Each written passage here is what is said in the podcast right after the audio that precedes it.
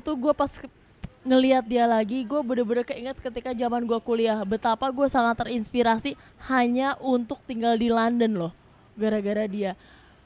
Mau lihat fashionnya lah cara dia berpikir gimana dia nanamin ke kita semua ilmu arsitektur yang dia punya dan desain lainnya ya. Jadi di masa muda gue itu eh, secara nggak langsung tuh gue selalu bilang sama diri gue wah suatu hari gue harus loh ke London. Gue pengen lihat apa yang dia lihat di London gitu kan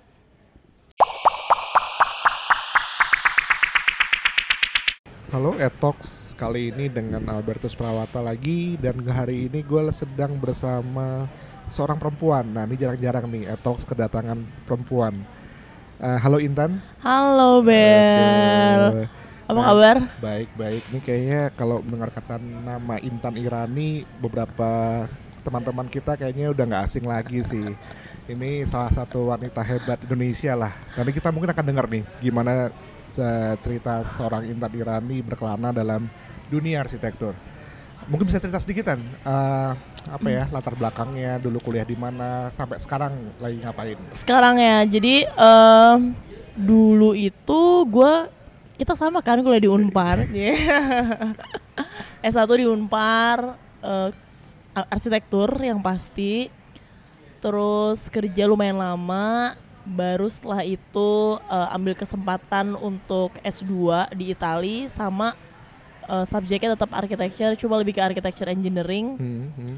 jadi half dari studentnya itu civil engineer umumnya. Jadi kita Oke. kayak setengah-setengah.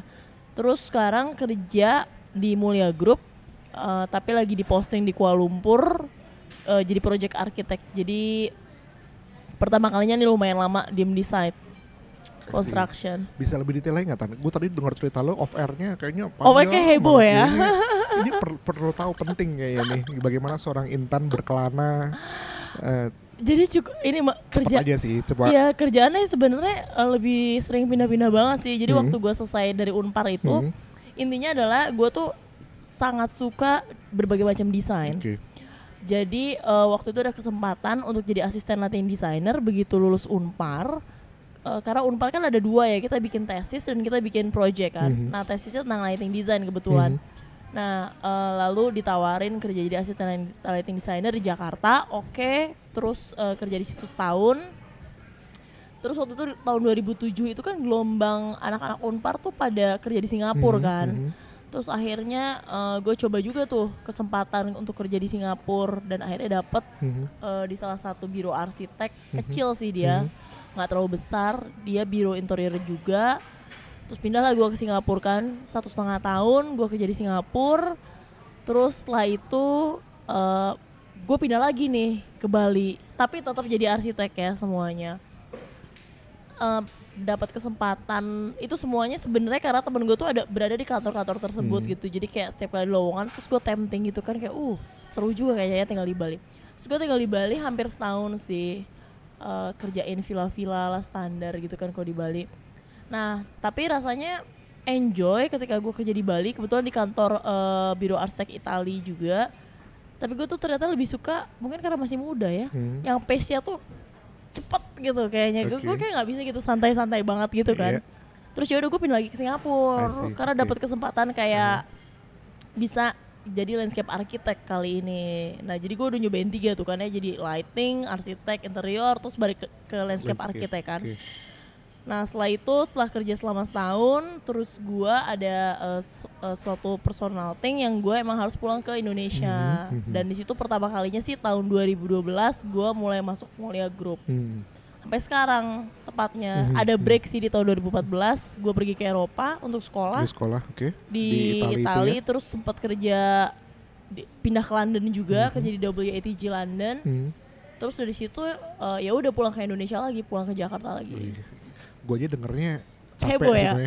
capek ya Tapi luar biasa. Jadi si Intan nih kayak hampir semua bidang arsitektur dari landscape, Udah lighting, dicobain. udah interior, Iya, semuanya betul. sudah mengicipin. Ini kayaknya luar biasa dan eh, sekarang Intan ini juga sebagai co-founder eh, komunitas perempuan berarsitektur. Nah, ini mungkin bisa cerita sedikit Tan. Apa sih eh, komunitas perempuan berarsitektur ini? Jadi eh, komunitas ini tuh digagas oleh saya dan teman-teman saya ketika eh, kita waktu itu kerja di Singapura bareng. Hmm. Tapi sebenarnya gagasan idenya tuh baru muncul mungkin akhir tahun 2008 lah gitu kan. Sebenarnya kita kayak bener-bener pengen merhatiin eh, Indonesian Woman Architect survive nggak sih di profesi kita gitu kan? Hmm. Gimana caranya supaya sustain? Hmm. Gimana caranya dengan apa pun eh, double job yang kita punya sebagai perempuan terutama kan? Hmm. bisa terus berkarya gitu. Hmm, hmm. Jadi either way dia misalnya jadi ibu rumah tangga, apakah dia masih bisa punya kerjaan freelance atau dia eh, apa namanya jadi dosen, bisa jadi kerjaan freelance gitu. Karena industri ini kan berat ya, mau bagaimanapun gitu kan. Kayak saya kayak di project bisa lihat deh satu-satunya en- engineer di antara mungkin 10 engineer cowok gitu kan. Jadi eh, kalau misalnya dikatakan genderisasi atau enggak genderisasi realnya tetap aja gitu bahwa memang harus selamatkan eh, sesama te- teman-teman perempuan gitu maksudnya intinya memotivasi si profesi ini tuh bisa terus dilaksanain loh sampai kapan pun I see. Ini uh, boleh cerita kapan terbentuknya ya, Tan? 2017 sebenarnya kita Oh, cuman 2017. kayak masih omongan-omongan Oke, gitu oke. 2018 baru kita kayak establish lah Hmm. Lalu kegiatan yang yang dilakukan apa ya selama selama itu ya dari 2017 sampai Uh-uh. sekarang lah ya. Jadi kita pertama kali launching Hmm. tuh tahun ini di eh, kerjasama sama Ikatan Arsitektur Jawa Barat di Oke. Bandung. Mhm. Itu kita bikin sharing ses- session sih, Hmm. terus kita bikin talks juga. Intinya tentang eh, architecture in the hand of woman gitu kan. Itu pertama kalinya. Terus yang kedua kali sekarang kita join Bintaro Design District, collab sama Ibu Arsitek. Eh, instalasinya bisa dilihat di Taman Kebayoran ya. Ada di Taman Ada di Taman Kebayoran. Kebayoran. Oke. Lihat ya guys ya. Di Bintaro ya. Di Bukan Bintaro. bukan di Kebayoran ya. Iya. Terus sisanya kita masih uh, working out di sosial media sih a lot. Kita bakal profile kan Oke. uh, Indonesian Woman Architect. Oke. Terutama yang belum established ya. Hmm. Kita lebih excited Hmm. yang itu. Jadi Hmm. kita pengen angkat nih sebenarnya kan banyak banget kan. Pasti Hmm. yang belum ke profile, yang belum ke expose. Oke. Apa Instagramnya tadi sosial medianya? At perempuan berarsitektur. At perempuan berarsitektur. Kalau Instagram lu? At Intan Irani. At Intan Irani. Sambung, Sambung terus semua ya. ya. ha. Oke, itu tadi mungkin dua sosial media yang bisa dilihat eh, at Intan Irani dan at perempuan berarsitektur. Jadi teman-teman mungkin kalau teman-teman mahasiswa, nih bisa juga ya konteksnya nanti teman-teman mahasi- Boleh, mahasiswi ya yang mungkin nanti punya nih contoh contoh nyata, contoh real, Mahasiswa nggak boleh ya. jangan. Kenakan mahasiswanya soalnya nanti. ya. Ini contoh-contoh real eh, si Intan nih bagaimana sih eh, seorang perempuan yang memang kita dalam konteks ini melihat dan mungkin Intan tadi juga ngobrol-ngobrol singkat sama gue sebelumnya memang ya kita akuin lah ya sekarang bahwa gender laki-laki itu jelas sangat-sangat kuat dalam eh, dalam bidang Tetap konteks di industri ini kita, gitu ya mm. dalam industri arsitektur. Dan mungkin dari konteks perempuan bersektor ini eh, teman-teman mahasiswi bisa melihat apa aja sih yang bisa dilakukan oleh eh, perempuan bersektor ini. Dan Iya, ternyata ini, dan Intan ini salah satu contohnya di mana Intan sampai sekarang juga masih ber- beraktivitas eh, sebagai lu project manager ya Tan ya di salah Project satu arsitek ya. project arsitek Mm. di, Di- bisa elabor lo elaborasi lagi sih apa sih yang lo lakuin sekarang juga sambil Oke, memberikan jadi informasi eh, sekarang tuh eh, office Mulia Group itu punya tower, kita lagi building tower di Kuala Lumpur. Dan kebetulan ini tuh jadi eh, the tallest in Southeast Asia loh. Wow. Namanya di Exchange 106. dan lo jadi project arsiteknya ya Iya. luar biasa gila ini adik kelas gue luar biasa nih dulu dulu ini for the record sih sebenarnya. Intan nih kita dulu apa sih divisinya kesejahteraan ya Kesejahteraan Wah, ini salah kan, satu bibit-bibit himpunan ya dari situ kita ya. Intan ini salah satu anggota gue dulu di kesejahteraan di himpunan yang kita punya moto jangan sampai party menghalangi eh jangan sampai stupa menghalangi party. Jadi pokoknya tetap kita harus party kita gitu tetap harus party kan, tetap bahagia kan kita ending weekend. jadi itu oke jadi itu akan menjadi the tallest building in Southeast In South Asia, Asia. sekarang ya. nama, Masih nama buildingnya apa di Exchange 106. The Exchange Kenapa 106. 106? Karena jumlah lantainya itu 106. Oke oke. Dan tingginya sekarang tuh eh, dia ngalahin Petronas Tower Hmm. 40 meter di atas Petronas Tower. Tinggi totalnya sampai ke rooftop itu 492 meter. Wow. Eh, kapan selesai tan rencana? Sebenarnya udah selesai sih Oh. secara appearance ya. Oh. Kita lagi bener-bener benerin kayak mungkin lighting desainnya, terus kayak interiornya dalamnya tenan akan mulai masuk kan. Tapi kalau misalnya dilihat eh, secara towernya dan podiumnya semua udah beres, landscape-nya semua udah beres. fully Empat operational tahun lah, empat tahun fully kita operational kira-kira kapan Kenapa? fully Eh, operationalnya Next year lah, early next year. jadi mungkin juga teman-teman yang lagi mau studi lapangan Kuala ya kita Lumpur ya. apa studi dulu apa kita nyebutnya kulap ya Kulap, kuliah lapangan kuliah lapangan. yang mau ke KL nah ini bisa hubungin Intan nih segera Boleh, bisa di, boleh. nanti bisa diajak ke Ini eh, side walking. yes menara 106 itu tadi Iya, ya di Exchange The 106. Exchange 106 oke kembali lagi ke perempuan berarsitektur kali ya Tan ya Eh, di sini eh, mungkin cerita tentang instalasi lo kali ya yang Oke, lo lakukan yang tadi dengan ya, teman-teman tadi apa sih yang eh, instalasi eh, judulnya apa namanya apa Hmm. itu jadi bisa bisa diceritakan di sini Jadi tetap kita kayak eh, karena Bintaro Design District sekarang kan tema umumnya ruang publik kan. Mhm. Jadi ini ruang publik eh, hashtag jejak perempuan Mhm. kita bikinnya. Eh, instalasinya itu kita pakainya kayak kain gitu sih. Sebenarnya kalau emang harfiah ya sebenarnya kalau kain kan jatuhnya kan.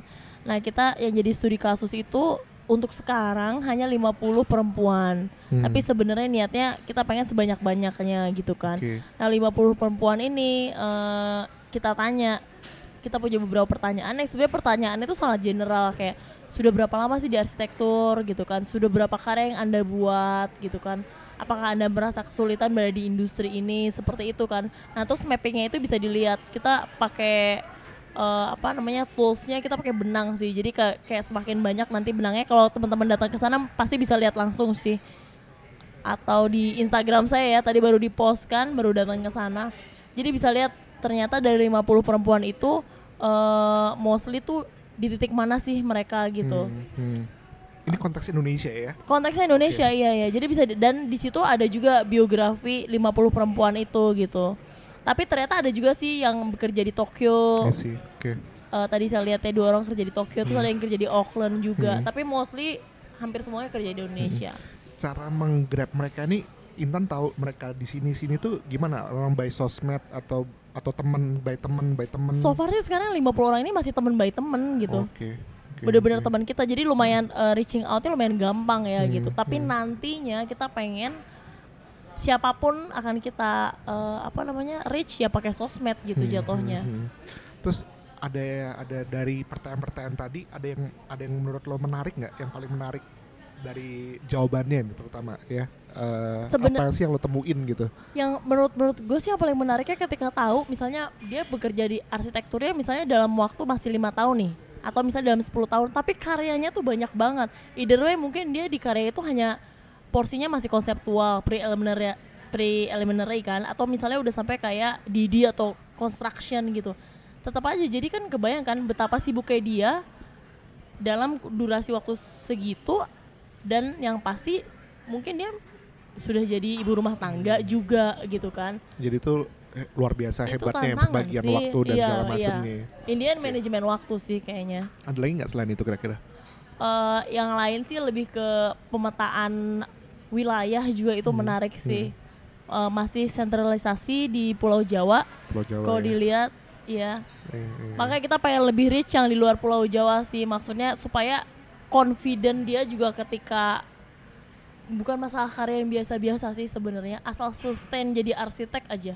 Hmm, hmm. itu yang pengen kita apa ya spiritnya tuh ke sana gitu Iya, ini gue juga mungkin sependapat dengan lo ya, karena mungkin ya lo juga tahu sekarang di Indonesia undang-undang arsitek juga sudah ada. ya Artinya kita juga sudah di- satu langkah atau kaki kita sudah diakui lah oleh Hmm. oleh oleh negara.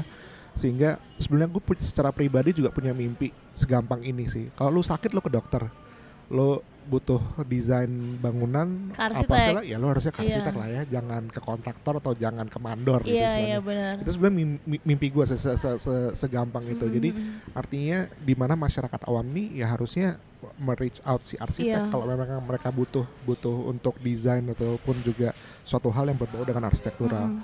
dan ya kita dengan jumlah apa namanya istilahnya pulau yang begitu banyak tersebar dan jumlah apa namanya eh, warga negara yang di seluruh Indonesia rasanya potensi untuk kebutuhan arsitek tuh pasti ya tidak akan pernah habis iya lah, betul gitu. betul Jadi ini juga untuk teman-teman yang di luar Pulau Jawa harusnya juga bisa memulai lah ya dan juga mungkin bisa bisa menyuarakan Hmm. ataupun juga bisa semakin terus berkarya dan semoga bisa semakin baik. Harapan gue sih itu dan mungkin juga lo punya harapan tertentu nggak sih untuk teman-teman mungkin yang khususnya secara perempuan arsitek di luar ini? gue sih lebih pengen ya itu kayak eh, gue yakin setiap karya yang dibuat ataupun cerita proses menjadi arsitek itu kan selalu lebih menarik ya jadi kalau misalnya memang bisa sharing bareng-bareng kenapa enggak gitu dan sharing itu kan hal yang paling mudah ya sebenarnya untuk saling memotivasi gitu kan kalau dia pada akhirnya bisa sangat berhasil jadi arsitek gitu eh, saya pengen jadi role modelnya siapa gitu ya why not gitu gue jadi inget ya waktu kuliah ingat gak dosen kita Sarah Ginting Mhm. nah Kalau Ibu Sarah, Nah. perawatan dengerin loh. beliau ya kan itu jadi salah satu panelis ketika di perempuan berarsitektur Oke. launching di barang IAI Jabar kan? Di panel kedua lah.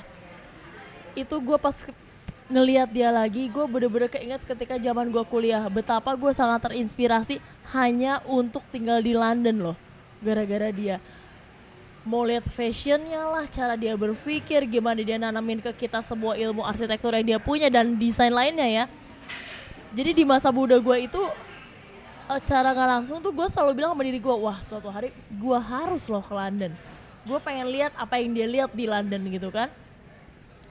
Jadi ya gitu deh maksudnya. Kalau Iya, lu kayak sekarang kan ini mudah banget ya kita bisa kayak sharing nggak perlu bertatap muka pun harusnya termotivasi ya itu sih sebenarnya spiritnya. Iya iya iya. Eh, ya itu eh, keren sih. Artinya ya gue juga, juga ingat dengan Ibu Sarah Ginting itu salah satu dosen yang menurut gue membuka banyak pintu ya. iya banget itu, itu memang suatu hal yang yang yang memang tidak tidak tidak terlupakan. Eh, satu hal lagi mungkin ntar sambil mungkin ini penutup lah. Hmm. Eh, tahun 2019 sudah mau habis nih. Mau 2020 dan seterusnya. Di perempuan berarsitektur ini apa sih rencana-rencana ke depannya atau mau ada pameran lagi kah, ada talk show atau ada kegiatan lain lain lainnya? kita idealis sebenarnya kita pengen bikin sharing session bisa di kota-kota besar lah Hmm. terutama targetnya gitu Hmm. kan atau mungkin kota yang nggak terlalu besar pun pengen kita jangkau gitu Eh, pameran juga sekalian ketika kita bikin eh, sharing session itu dan paling gampang sekarang adalah kita akan memprofilkan tuh di apa Instagram kita satu-satu eh, setiap perempuan-perempuan dengan karyanya gitu. Jadi lumayan PR juga ya sebenarnya gitu kan. Iya iya iya. Itu sih sebenarnya Ya, target lebih, untuk lebih ke sana 2000 ya untuk 2020 ya, ke depannya. Nah, kalau ada teman-teman ataupun juga eh, perempuan-perempuan arsitek di luar sana yang mau reach out tinggal DM di perempuan bersektor Iya. atau DM ke lu Betul, bisa betul, lah ya, betul, langsung kontak langsung, langsung aja ya. langsung aja. Pokoknya jangan ada kata sungkan lah intinya ya. Hajar aja gitu ya. hajar. Oke, eh, thank you banget Tan obrol-obrolannya. Eh, pamerannya sampai kapan nih Bintaro? Sampai tanggal 7, 7 Desember, 7 betul Desember ya. Nah, ya. ini untuk teman-teman yang lagi di Jakarta, kebetulan Jakarta sedang banyak eh, acara arsitektur di eh, dua minggu ini ke depan dari tanggal hari ini tanggal 28 Hmm. pembukaan BDD sampai nanti tanggal 7 Desember di Bintaro itu banyak eh, konsultan-konsultan maupun juga biro-biro arsitek yang open house maupun juga memberikan instalasi-instalasi pamerannya. Dan salah satunya adalah eh, komunitas Intan perempuan berarsitektur jadi bisa dikunjungi tadi di Taman Kebayoran bisa dilihat.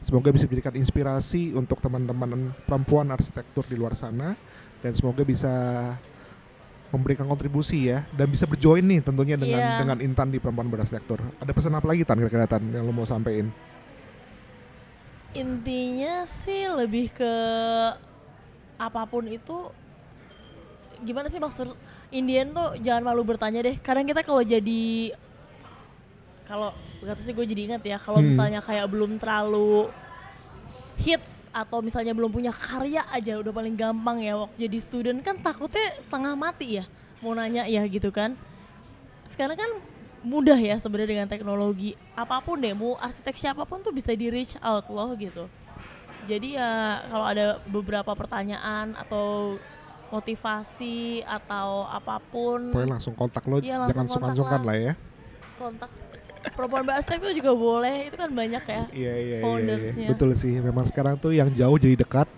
Bahkan yang dekat jadi jauh karena Jadi- juga ya. Sedih jangan enggak jangan lah. jangan jadi dong jangan ya, jangan ya. Jadi itulah eh, silahkan mungkin juga dengan suara teman-teman di sana yang bisa mereach out Intan atau dari perempuan berarsitektur mungkin bisa memberikan ide biasanya suka suka muncul seperti itu. kita kan bisa kayak eh, apa saling tukar pikiran juga kan tentang Setuju. ide desain pastinya apa gimana atau Iya. technical Iya. Untuk ini Tan, mungkin sedikit tips atau teman apa pesan-pesan untuk calon nih, calon arsitek, terutama untuk yang mahasiswi, juga bukan jangan yang Hmm. jangan yang mahasiswa karena mungkin mereka ada ketakutan tersendiri, ada hal-hal yang misalnya mungkin faktor eksternal, keluarga atau yang Hmm. lainnya. Kira-kira ada apa ya yang bikin bisa lo sampein? Kalau gue sih makin lama ya ngelihat buat jadi arsitek itu emang butuh passion ya in the end Oke, dan setuju. butuh konsistensi loh Hmm, untuk tetap berada di profesi ini gitu walaupun uh, kayak gue dari zaman dulu gue cobain berbagai macam desain gitu. Tapi pada akhirnya endingnya gue tahu nih bahwa gue sangat mencintai dunia arsitektur gitu kan. Nah ketika misalnya teman-teman baru pada lulus kuliah segala macam jangan takut kalau misalnya emang kalian suka desain lain atau kalian pengen coba desain lain gitu kan ya coba aja gitu. Jadi jangan apa ya jangan terlalu hesitate kayak aduh cocok nggak? atau gimana gitu kan.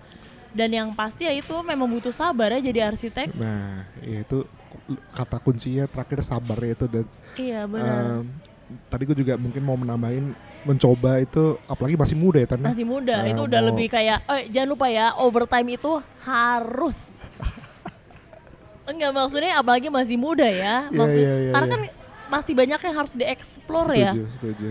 Ya. Ya itu dia tadi obrolan-obrolan singkat dengan Intan. Eh, thank you banget Tan udah nyempetin waktunya.